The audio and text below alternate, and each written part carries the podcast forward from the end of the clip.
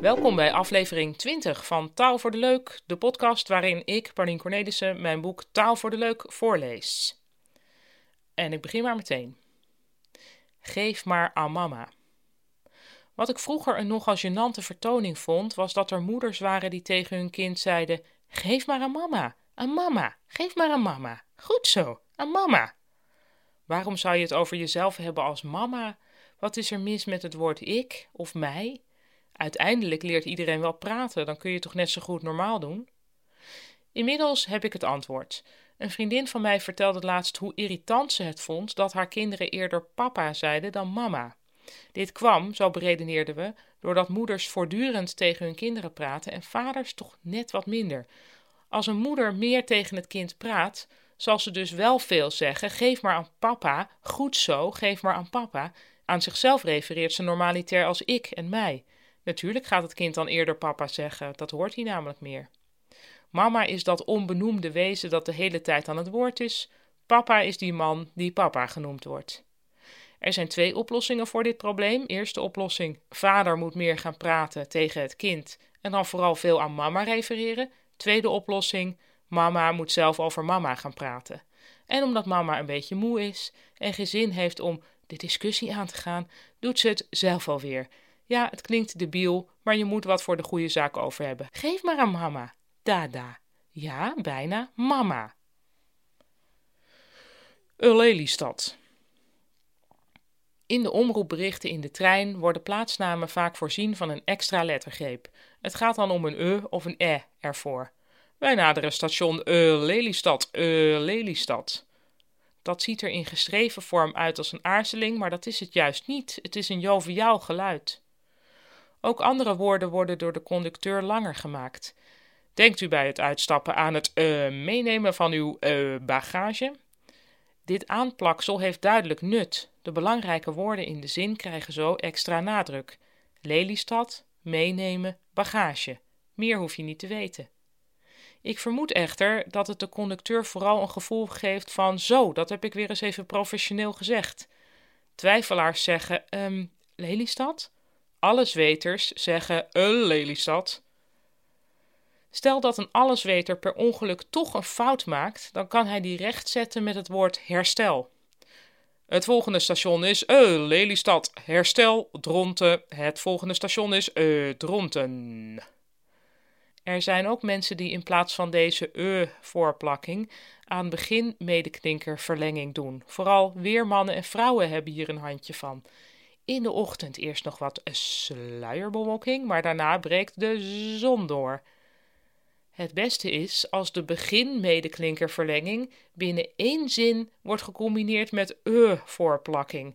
Vandaag was er nog zon, maar morgen begint de dag met e regen.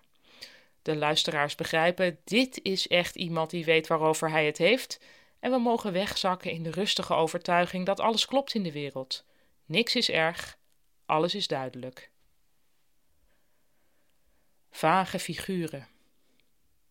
Ik las dat bewoners van studentencomplexen aan de rand van de stad zich relatief vaak onveilig voelen. In Amsterdam heeft de politie per studentencomplex onderzoek gedaan en zo is op een kaart te zien in welk complex de meeste berovingen plaatsvinden, waar de meeste inbraken zijn, maar ook waar de straatverlichting stuk is of waar de gebouwen slecht beheerd worden. Het gevoel van onveiligheid is onderverdeeld in allerlei oorzaken. De meest tot de verbeelding sprekende oorzaak is vage figuren. In mijn hoofd zijn vage figuren vooral mensen met een iets te intense interesse in klankschalen, voedselintoleranties en collectief bewustzijn. Mensen die op een feestje op zich best aardig zijn, maar dan ineens beginnen te praten over de helende kracht van bergkristallen. Maar blijkbaar zijn vage figuren vandaag de dag mensen die een gevoel van onveiligheid veroorzaken. Mensen die wellicht over zouden kunnen gaan tot criminaliteit.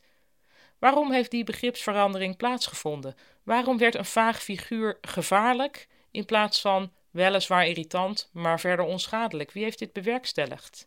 Ik verdenk de politie. Iemand doet een melding. Er staat een enge man bij de vuilcontainers. Eng? Wat is er eng aan dan? Ik weet niet, hij ziet er gewoon eng uit en hij doet eng. Een zichzelf respecterende politieman of vrouw kan niet in de melding opnemen enge man. Dan wordt hij of zij uitgelachen in de kantine. Ooit is er dus een beambte geweest die er vaag figuur van heeft gemaakt en sindsdien is dat de vaste term. Wel jammer voor alle klankschaligen in de samenleving. Die klinken nu ook meteen een stuk enger. Vastklampjargon. In onzekere tijden kun je je alleen maar vastklampen aan schijnzekerheid.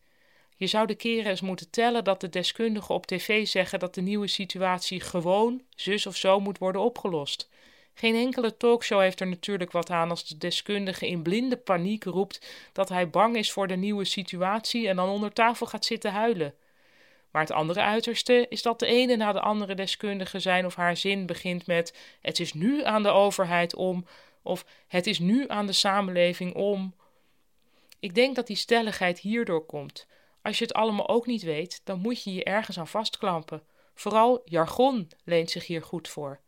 Wie een huis wil kopen, doet er bijvoorbeeld goed aan om tegen de verkopend makelaar af en toe het woord contactgeluid te laten vallen of spouwmuur. Mechanische afzuiging is ook uitermate geschikt.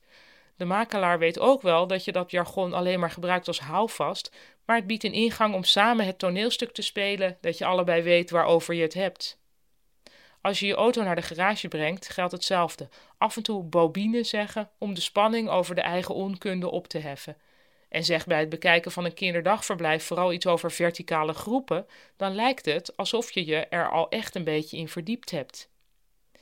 Bij de belastingconsulent roep je iets over box 1 en in een chic restaurant moet je de kaasnaam herhalen en zeggen: Oh ja, heerlijk, reblochon, als hij rijp is. Dom. Het Engelse woord nice komt van nescire, Latijn voor niet weten. In de 13e eeuw betekende nice dan ook niet leuk of aardig, maar dom. Ik kan er bijna niet over uit hoe interessant ik dit soort informatie vind. Nice is het Engels binnengeslopen via het 12e eeuwse Franse woord nice, wat onhandig, zwak, simpel of dom betekende. Nadat de betekenis dom uitgewerkt was, ging het een tijdje timide betekenen om vervolgens eind 14e eeuw te refereren aan mensen die heel kieskeurig waren. Rond 1400 betekende het verfijnd of delicaat. Rond 1500 betekende het precies of voorzichtig. En eind 18e eeuw begon nice pas aardig te betekenen. En nu is nice toch alweer een hele tijd strikt positief. In Nederland wordt het veel gebruikt door mensen die weten wat modern is. Ik heb mijn hele marketingplan uitgerold. Oké, nice. De mensen die nice zo gebruiken, zijn dezelfde mensen die veelvuldig kak zeggen. Dat maakt toch geen kak uit? Of oh kak, ik ben vergeten koffie te kopen. Maar dat terzijde. Ik heb het gevoel dat nice weer terug gaat keren naar een negatieve betekenis. In het Engelse taalgebied wordt het al veelvuldig ironisch gebruikt. Als een meisje wordt aangeduid als a nice girl, is dat al bijna geen compliment meer.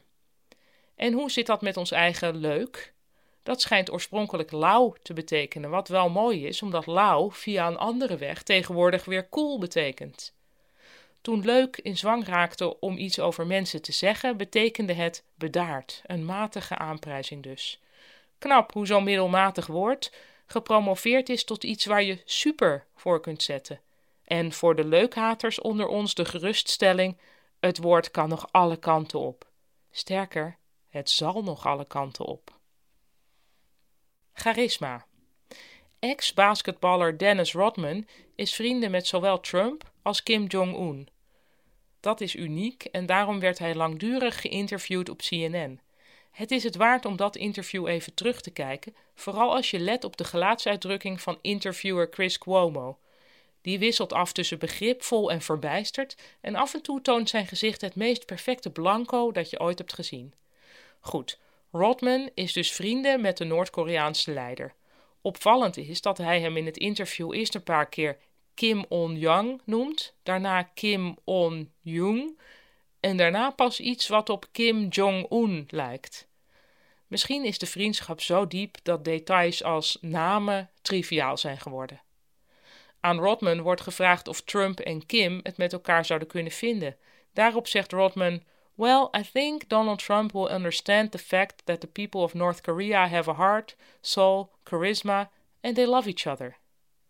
Het is een opmerkelijke zin die geen antwoord geeft op de vraag.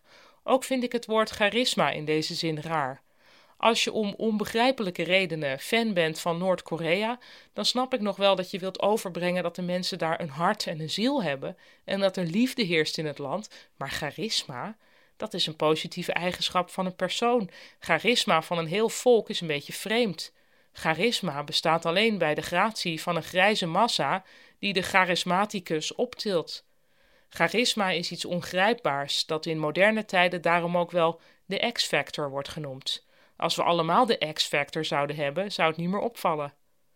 Charisma heeft bij mij ook een wat onbetrouwbare bijsmaak. Ja, hij heeft natuurlijk veel charisma, maar hij heeft de boekhouding wel jaren laten versloffen, zoiets. Kort nadat Rodman in het interview de Noord-Koreanen duidde, ging hij huilen om, tja, om wat eigenlijk? Ik geloof om zichzelf uiteindelijk. Het is een bizar tafereel, maar één ding kan hem niet ontzegd worden: charisma. En dit was aflevering 20 van de Taal voor de Leuk podcast vanuit mijn eigen kelder. Dit was Paulien Cornelissen. Oh nee, dat, ben ik nog steeds. Vind ik altijd vreemd als mensen bij, bij een afkondiging ineens hun naam gaan zeggen. Ik ben Paulien Cornelissen. Een prettige avond. Tot morgen.